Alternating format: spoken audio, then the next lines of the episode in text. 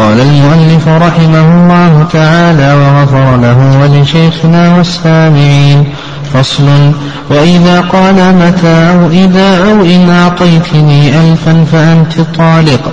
طلقت بعطيته. وإن تراخى وإن قالت اخلعني على ألف أو بألف أو لك ألف. ففعل بانت واستحقها وطلقني واحدة بألف فطلقها ثلاثا استحقها وعكسه بعكسه إلا في واحدة بقيت وليس للأب خلع زوجة ابنه الصغير ولا طلاق ولا طلاقها ولا خلع ابنته الصغيرة بشيء من مالها ولا يسقط الخلع غيره من الحقوق. وإن علق طلاقها بصفة ثم أبانها فوجدت ثم نكحها فوجدت بعده طلقت طلقت كعتق وإلا فلا.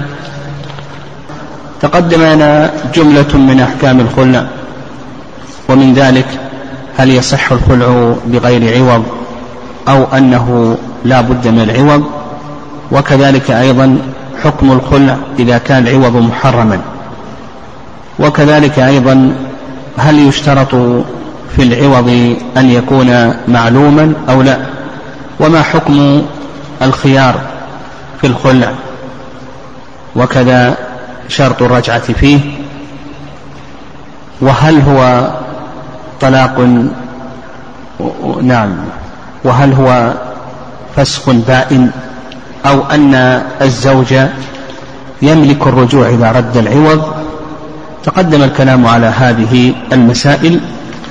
ثم قال المؤلف رحمه الله في درس اليوم فصل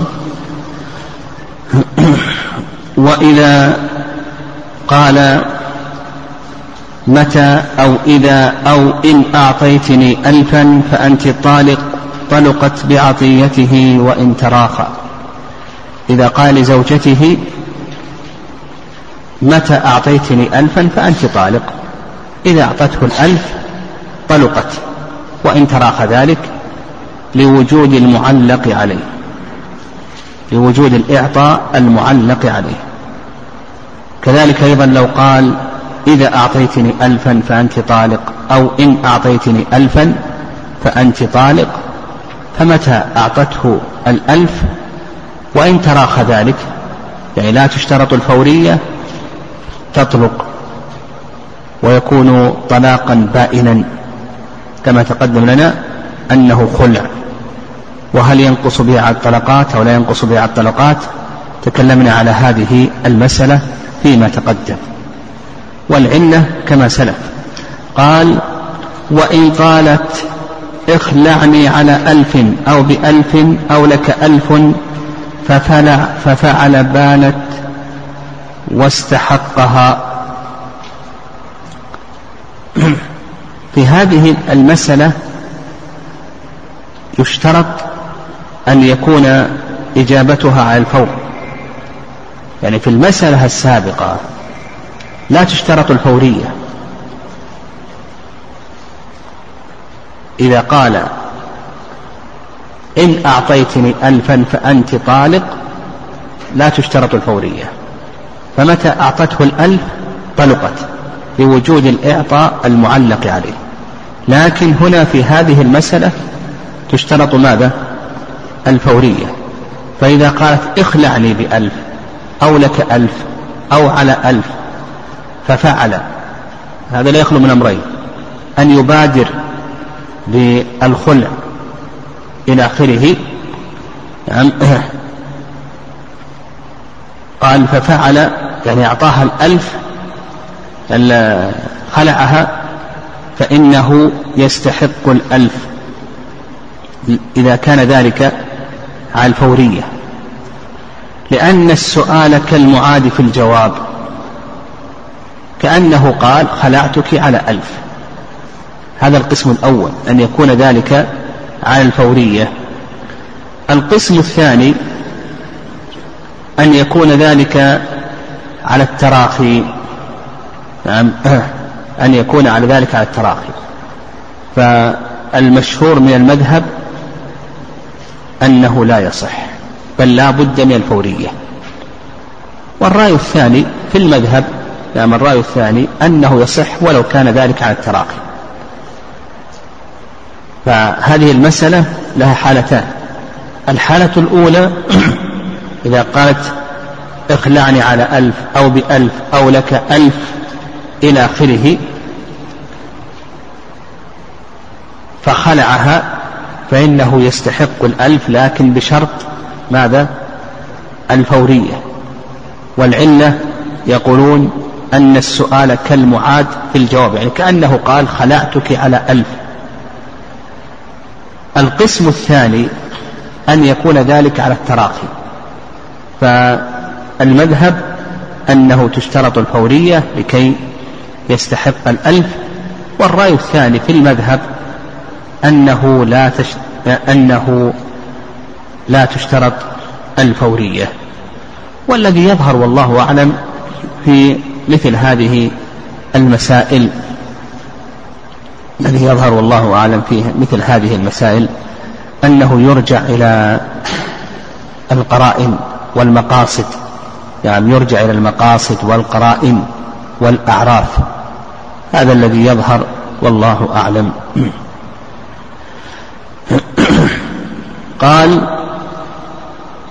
وطلقني واحدة بألف. وعلى هذا في الحالة الثانية إذا كان ذلك على التراخي المذهب المذهب أنه لا يستحق الألف ولا يصح الخلع. وهل يقع طلاق أو لا يقع طلاق؟ إن كان بنية الطلاق فإنه يقع عليه طلقة. وإذا لم يكن هناك نية طلاق فإنه لا يقع عليه طلقة واضح؟ يعني إن كانت هناك فورية فالخلع صحيح ويستحق الألف. إذا لم يكن هناك فورية فإنه لا يستحق الألف. وحينئذ لا يصح الخلع لكن هل يقع طلاق أو لا يقع طلاق؟ إن كان بنية الطلاق وقع الطلاق. إذا لم يكن بنية الطلاق فإنه لا يقع الطلاق. وقلنا الرأي الثاني أنه لا تشترط الفورية وأنه يصح حتى ولو كان على التراخي ويرجع في ذلك إلى القرائن والمقاصد. قال وطلقني بألف وطلقني واحدة بألف فطلقها ثلاثا استحقها إذا قالت طلقني واحدة بألف فقال أنت طالق ثلاثا. استحق ماذا؟ استحق الألف. لأنه أجابها إلى ما طلبها وزيادة. هي طلبت طلقة واحدة فأجابها إلى ثلاث طلقات. أجابها إلى طلبها وزيادة. فيقول المؤلف رحمه الله تعالى يعني يقول المؤلف رحمه الله تعالى بأنه يستحقها ويكون ذلك نعم قال استحقها ويكون ذلك خلعا. لكن على المذهب إذا كان خلع بلفظ الطلاق وش الحكم؟ ينقص على الطلقات أو لا ينقص؟ يرون أنه ينقص على الطلقات. وتقدم الكلام على هذه المسألة. الرأي الثاني أنه لا يستحق شيئا. نعم الرأي الثاني أنه لا يستحق شيئا لأنها طلبت واحدة وقد طلقها ثلاثا فلا يستحق شيئا. وعلى ذلك الطلاق الثلاث عند أكثر أهل العلم إذا طلقها ثلاثا فإنه يقع عليها ثلاث طلقات. يعني يقع عليها ثلاث طلقات وحينئذ تبين بينونة كبرى ولا يستحق الألف. يعني هذا الرأي الثاني. الرأي الثاني أنه لا يستحق الألف لأنها طلبت طلقة واحدة فطلقها ثلاث طلقات. وعلى هذا لا يستحق الألف وتبين منه بينونة كبرى. ولا يكون خلعا وهذا نعم رأي محمد بن الحسن الحنفية.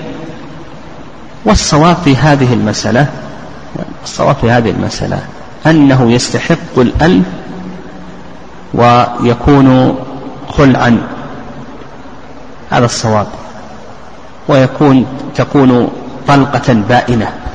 يعني كما تقدم لنا أن الخلع لا ينقص به على الطلقات لكن على المذهب يستحق الألف وينقص به ماذا؟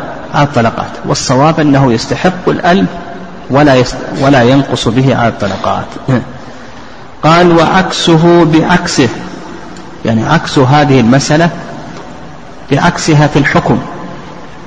فإذا قالت طلقني ثلاثا فطلقها واحدة. هل يستحق الألف أو لا يستحق الألف؟ يقولون لا يستحق الألف. إلا نعم إلا في واحدة بقيت. قال إلا في واحدة بقيت قالت طلقني ثلاث طلقات بألف. فقال أنت طالق طلقة واحدة. المذهب يستحق الألف ولا ما يستحق الألف؟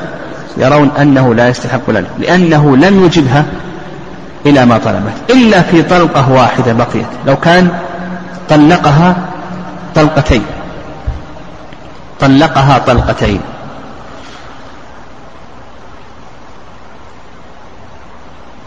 وقالت طلقني ثلاثا. طلقها طلقة واحدة. نقول يستحق الألف لأن قوله ثلاث أو واحدة سواء. إذ لا فائدة أن يقول ثلاث. هي, هي تريد أن تطلق ثلاث طلقات. تريد بيونة كبرى. فالصواب في ذلك أنه يستحقها. مطلقا. المذهب التفصيل. أنه لا يستحقها إلا في واحدة بقيت لأنه يصدق عليها أنه طلقها ثلاث طلقات. وأما إذا كانت واحدة وبقي عليه طلقات ما الحكم؟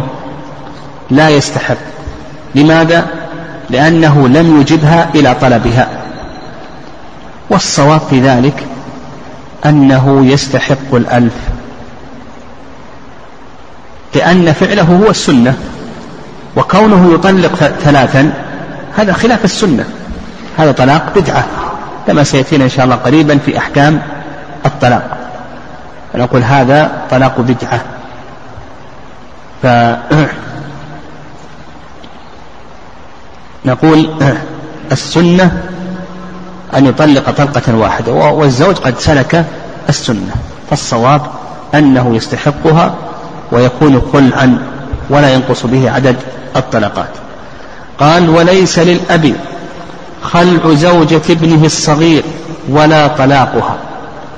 يقول المؤلف رحمه الله ليس للأب أن يخلع زوجة ابنه الصغير.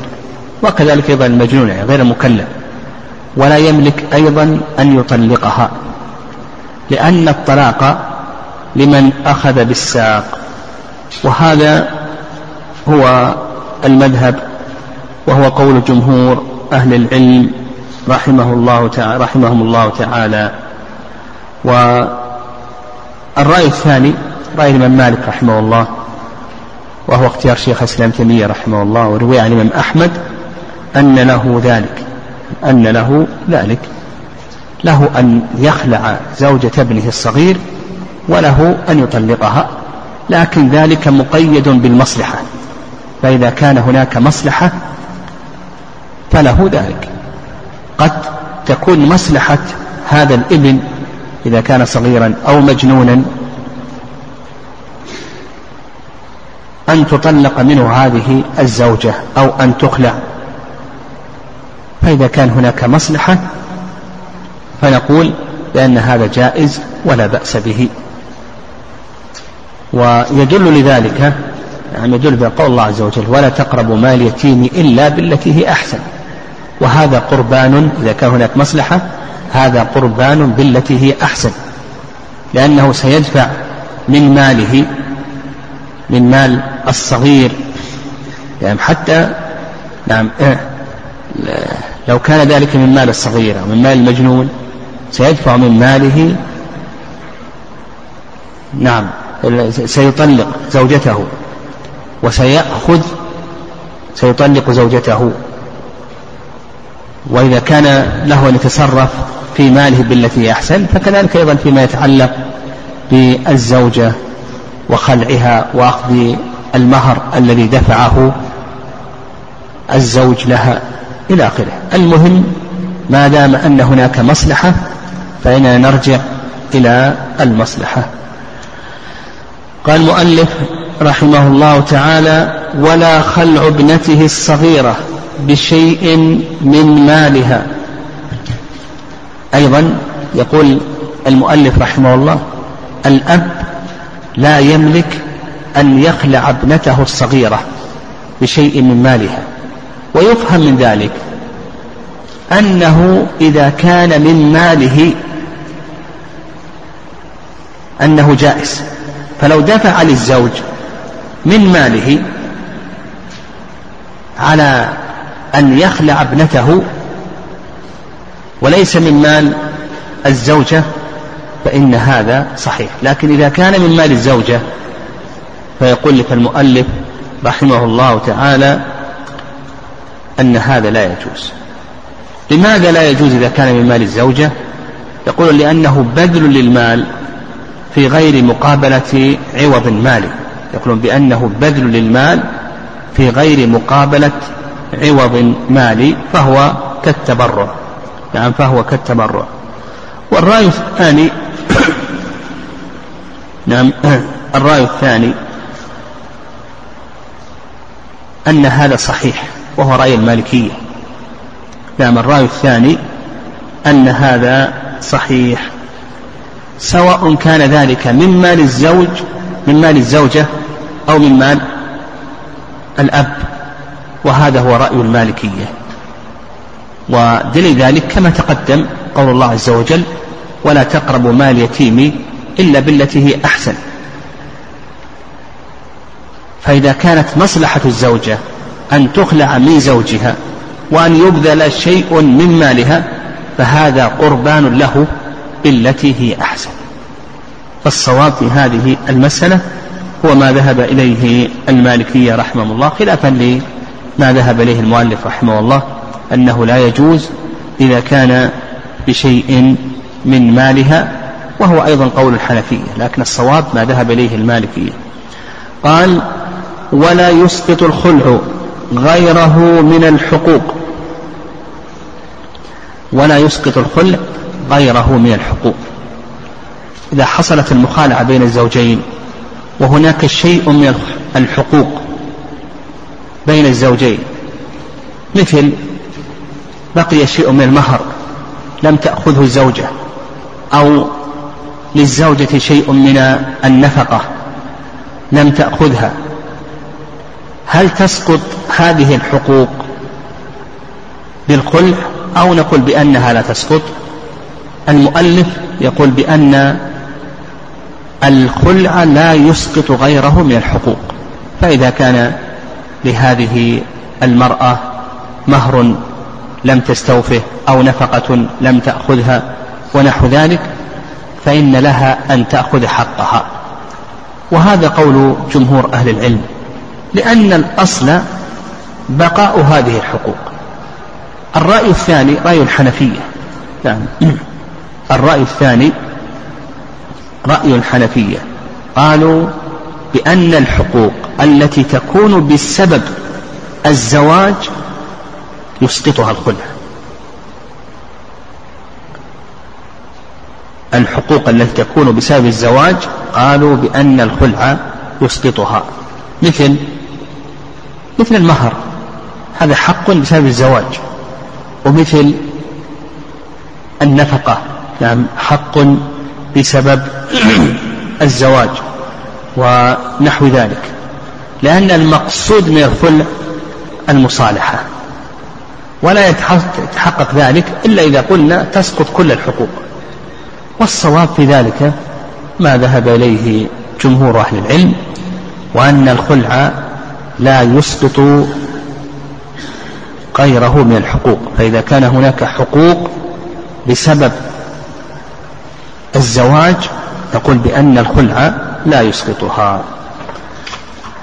قال المؤلف رحمه الله وإن علق طلاقها بصفة ثم أبانها فوجدت ثم نكحها فوجدت بعده طلقت. كعتق وإلا فلا.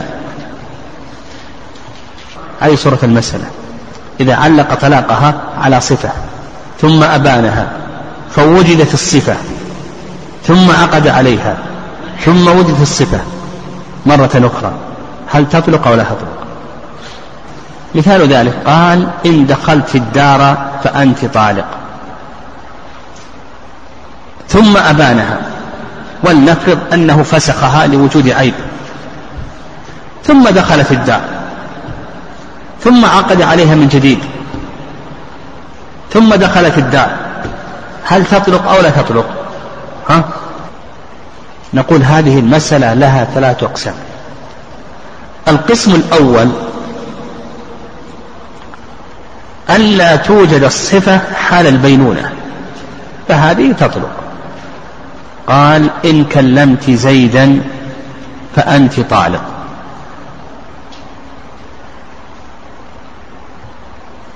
خلعها. لم تكلم زيدا.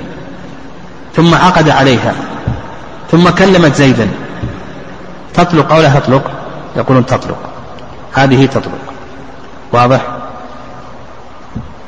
هذا القسم الأول. القسم الأول أن لا توجد الصفة حال البينونة.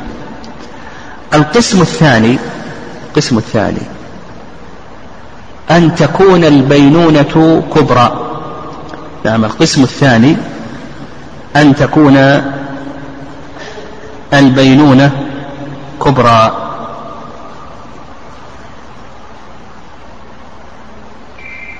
فهذه لا تطلق.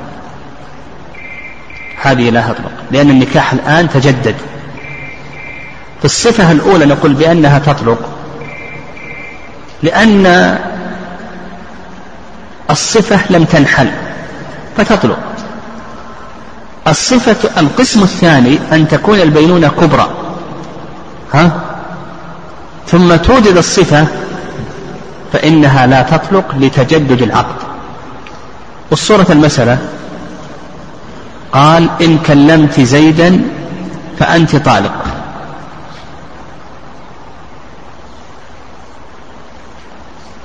طلقها آخر الطلقات الثلاث. ثم كلمت زيدا. ثم عقد عليها. ثم كلمت زيدا. تطلق أو لا تطلق؟ نقول بأنها تطلق. لماذا؟ لتجدد العقد. هنا العقد تجدد تتجدد أحكامه. بخلاف الصورة الأولى الصورة الأولى ماذا؟ أصلا موجدة الصفة على البينونة. فنقول بأنها تطلق لعدم وجود الصفة. في الصورة الأولى قال إن كلمت زيدا فأنت طالق ثم خلعها لم تكلم زيدا حال بينونة ثم عقد عليها ثم كلمت تطلق.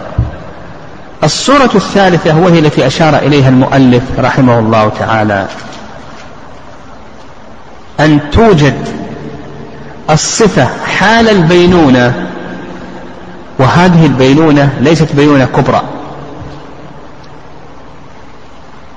مثال ذلك قال إن كلمت زيدا فأنت طالق.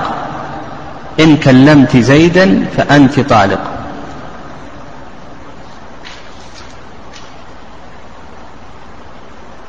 ثم خلعها فكلمت زيدا. ثم عقد عليها فكلمت زيدا. هل تطلق أو لا تطلق؟ المؤلف رحمه الله يرى أنها ماذا؟ نعم المؤلف رحمه الله تعالى يرى أنها تطلق. نعم. هذا ما ذهب إليه المؤلف رحمه الله. وقالوا بأن الصفة وإن وجدت حال بينونة إلا أن اليمين لا تنحل. اليمين لا تنحل إلا على وجه يحنث فيه. وهنا لا يحنث. لماذا؟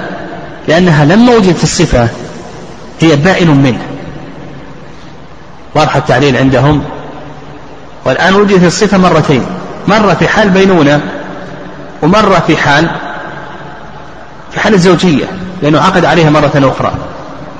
فيقولون بأنها تطلق. لماذا تطلق؟ قالوا لأن اليمين لما كلمت زيدا ما انحلت. لماذا؟ لأن اليمين ما تنحل إلا على وجه يحنث فيه وهو لا يحنث إلا إذا وجدت الصفة في حال الزوجية. إذا وجدت الصفة في حال الزوجية. فاليمين يرون أنها حل وعقد. الرأي الثاني نعم الرأي الثاني أنها إذا وجدت الصفة في حال البينونة نعم أنه إذا وجدت الصفة في حال البينونة ثم وجدت مرة أخرى فإنها لا تطلق. نعم وهذا هو الرأي الثاني في المذهب. نعم هذا هو الرأي الثاني في المذهب. نعم. و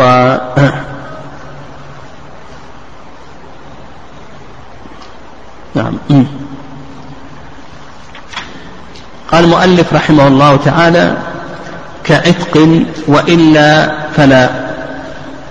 كعتق يعني كما لو علق عتق رقيقه على صفة. قال إن كلمت زيدا فأنت حر. أو مثلا قال نعم قال إن كلمت زيدا فأنت حر.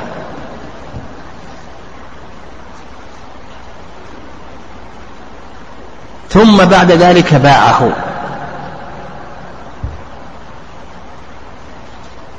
فكلم زيدا. ثم اشتراه.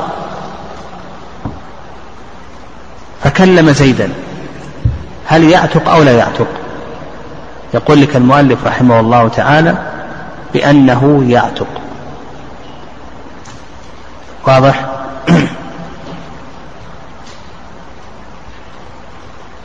لما تقدم من التعليل. فكذلك أيضا الطلاق مثله. نعم. الطلاق إذا قال إن كلمت زيدا فأنت طالق ثم خلعها فكلمت زيدا ثم عقد عليها فكلمت زيدا تطلق. مثل أيضا العتق. قال للرقيق إن كلمت زيدا فأنت حر باعه فكلم زيدا ثم اشتراه فكلم زيدا يعتق في هذه الصورة كذلك أيضا تطلق في الصورة السابقة. فيقولون تطلق قياسا على العتق. والذين قالوا بأنها لا تطلق قالوا هنا بأن هناك فرقا بين العتق وبين الطلاق. العتق يتشوف إليه الشارع ويراقب فيه. أما الطلاق نعم أما الطلاق فالشارع ينهى عنه. فقالوا في الرأي الثاني قالوا بأنها لا تطلق قالوا لأنه في مسألة العتق هو المؤلف قاس على ماذا؟ ها؟ قاس على العتق. الرأي الثاني قالوا لا تطلق لأن الأصل بقاء الزوجية ولا تطلق لماذا؟ لأن الشارع يتشوف إلى العتق. الشارع يتشوف إلى العتق. بخلاف الطلاق فإنه لا يتشوف إليه. قال المؤلف رحمه الله تعالى وإلا فلا يعني إذا وجدت الصفة بعد وجود الزوجية أو بعد وجود الملك فإنه لا عتق ولا طلاق.